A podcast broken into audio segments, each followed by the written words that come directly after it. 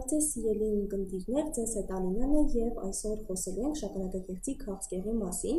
Այսօրվա մեր հյուրն է Հերացի հիվանդանոցային համալիրի բժիշկ ուրոլոգ Երվանդ Կիրակոսյանը։ Բարև ձեզ Երվանդ Աշոտիչ, ինչպե՞ս եք։ Բարև ձեզ Ալինա ջան, լավ եմ, շնորհակալ եմ, դուք ինչպե՞ս եք։ Լավ, շնորհակալ եմ։ Երվանդ Աշոտիչևի առաջին հարցը որից սկսենք, որ տարիքային խմբի տղամարդիկ են առավել հակված շագանակագեղձի քաղցկեղի զարգացմանը նախ ասեմ, որ շագանակագեղձի քաղցկեղը բավականին տարածված հիվանդություն է եւ տարեկան մոտավորապես 1.4 միլիոն դեպք է գրանցում շագանակագեղձի քաղցկեղի եւ հիմնական տարիքային խումբը դա 65-ից 75 տարեկան խմբերն են երիտասարդ տարիքում խիստ հազար դեպք հանդիպող հիվանդությունը ավելի շատ մեծահասակներին է բնորոշ որոնք են շագանակագեղձի քաղցկեղի առաջացման ռիսկի գործոնները հիմնական ռիսկի գործոնները, որոնք կապված են շագանակագեղձի քաղցկեղի հետ եւ հաստատված են տարբեր հետազոտություններով, դրանք տարիքն է, որքան մեծանում է տարիքը, այնքան ավելի ռիսկային է շագանակագեղձի քաղցկեղի զարգացման համար։ Հաջորդը դա ռասայական պատկանելությունն է, ապացուցված է, որ սևամորթ ազգաբնակչության մոտ շատ ավելի շատ է շագանակագեղձի քաղցկեղի տարածվածությունը եւ քաղցկեղն ավելի ագրեսիվ ընթացք է ունենում, իսկ օրինակ ասիացիների մոտ թիվը զգալից ցածր է։ Մեր տարածաշրջանում միջին վիճակագրական տվյալներ ունենք։ Հաջորդ ռիսկի գործոնը եւ ամենակարևորը երևի թե դա ժառանգական նախատրամադրվածությունն է եւ եթե պացիենտի հարազատը խոսքը մոտ ազգականի մասին է, հայր, հորեղբայր, եղբայր, պապիկ, եթե ունեցել է շագանակագեղձի քաղցկեղ, ապա քաղցկեղի զարգացման զարգացումը իր դեպքում մի քանի անգամ ավելի ռիսկային է։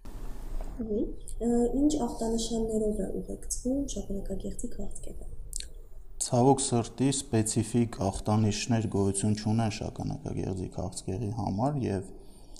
հիվանդությունը դա պայմանավորված է ավելի շատ քաղցկեղի զարգացման անատոմիայից, այն զարգանում է շագանակագեղձի այսպես կոչված ծայրամասային պերիֆերիկ հատվածից եւ զարգացման ընթացքում կարող է որևէ ախտանիշով չուղեկցվել, իսկ ուղեկցվող արդեն արկա ախտանիշները կխոսեն տեղային տարածվածության կամ հերրական մետաստազների արկայության մասին, այսինքն ավելի բարձր թողի դեպքերում կարող ենք հայտնաբերել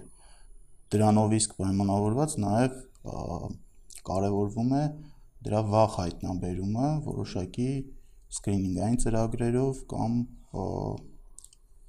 պացիենտների դիմելիությամբ։ Իսկ աստիկ սկրինինգային ծրագրեր, արդյոք Հայաստանում կան նման սկրինինգային ծրագրեր, որոնք կանխորոշեն վաղ եւ եթե անգամ կան Հայաստանում հայ ազգաբնակչության համար իրենք արդյոք դիմելիություն կա, դիմում են ոչի շուտ հայտնաբերենք։ Հայաստանում փորձ արվել է սկրինինգային ծրագրերի, սակայն դա չի ունեցել շարունակական բնույթ, Հայաստանի ազգաբնակչության համար ու ըստ մեր դիտարկումների բավականին կարևոր է սկրինինգային ծրագրերը արտասահմանում ու արտասահմանյան երկրներում, Եվրոպայում, Ամերիկայում կան հաստատված սկրինինգային ծրագրեր որոշակի ռիսկի գործոնները հաշվի առնելով, այսինքն ինչպես թվարկեցի, հա, տարիքային կազմը, ռասայական պատկանելությունը եւ ժառանգական նախատրամադրվածությունը ամեն տարիքի համար կա որոշակի ցուցիչներ, ըստ որի հիմնականը դա PSA-ի ցուցանիշն է, պրոստատ սպეციფიկ անտիգենի, որը որ դասական իմաստով օնկոմարկեր չէ, այսինքն ինքը բնորոշ չէ քաղցկեղին, սակայն խոսում է շագանակագեղձում արկա որոշակի process-ների մասին եւ մեզ հուշում է, որ հնարավոր է արդյոք տվյալ պացիենտի մոտ լինի շագանակագեղձի քաղցկեղ, թե ոչ։ Մեր դիտարկումներով մեր ազգաբնակչությունը այդքան էլ հակված չէ. ինքնուրույն գնալ հետազոտությունների եւ այո, եթե լինի սկրինինգային ծրագրեր, դրանք շատ ավելի կհեշտացնեն մեր գործը, շատ ավելի վաղ փուլերում կհայտնաբերվի շագանակագեղձի քաղցկեղը եւ շատ ավելի հեշտ կլինի դրա կառավարումն ու բուժումը։ Շագանակագեղձի քաղցկեղը ունի արդյոք վերջնական բուժում, թե ոչ։ Այո, երբեք շագանակագեղձի քաղցկեղը այսպես ճակատագրական ախտորոշում չէ եւ պետք է հիվանդին բացատրել, որ ներկայիս բժշկությունը ունի այն բոլոր անհրաժեշտ գործիքները, այն բոլոր անհրաժեշտ մեթոդները, որով անգամ մետաստատիկ քաղցկեղի դեպքում, անգամ տեղային տարածված քաղցկեղի դեպքում հնարավոր է բավականին երկար երկարացնել կյանքի տևողությունը, այո։ Իսկ տեղայնացված միայն շագանակագեղձով սահմանափակված ուռուցքների դեպքում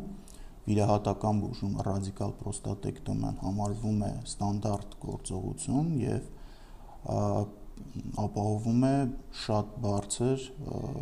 բուժելիություն, այսինքն քաղցկեղի հետագա վերադարձը շատ քիչ թվով պացիենտների մոտ է լինում եւ կարելի ասել, որ միանշանակ շագանակագեղձի քաղցկեղը դա բուժելի հիվանդություն է։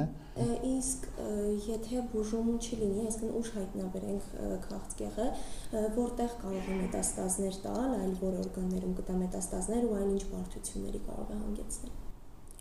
չբուժված շագանակագեղձի քաղցկեղը ցավոք սրտի մենք նման պացիենտների եւս հանդիպում ենք շատ կարող է տարածվել ինչպես ցանկացած քաղցկեղ բոլոր օրգան համակարգերում, սակայն ու կոպիտ ասած ամեն քաղցկեղ ունի իր սիրելի զոնան, որտեղ մետաստազավորվում է, տվյալ դեպքում դա ոսկրային համակարգն է, այսինքն կարող են լինել ոսկրային մետաստազներ, ողնաշարի, կոնքի ոսկրեր, անգամ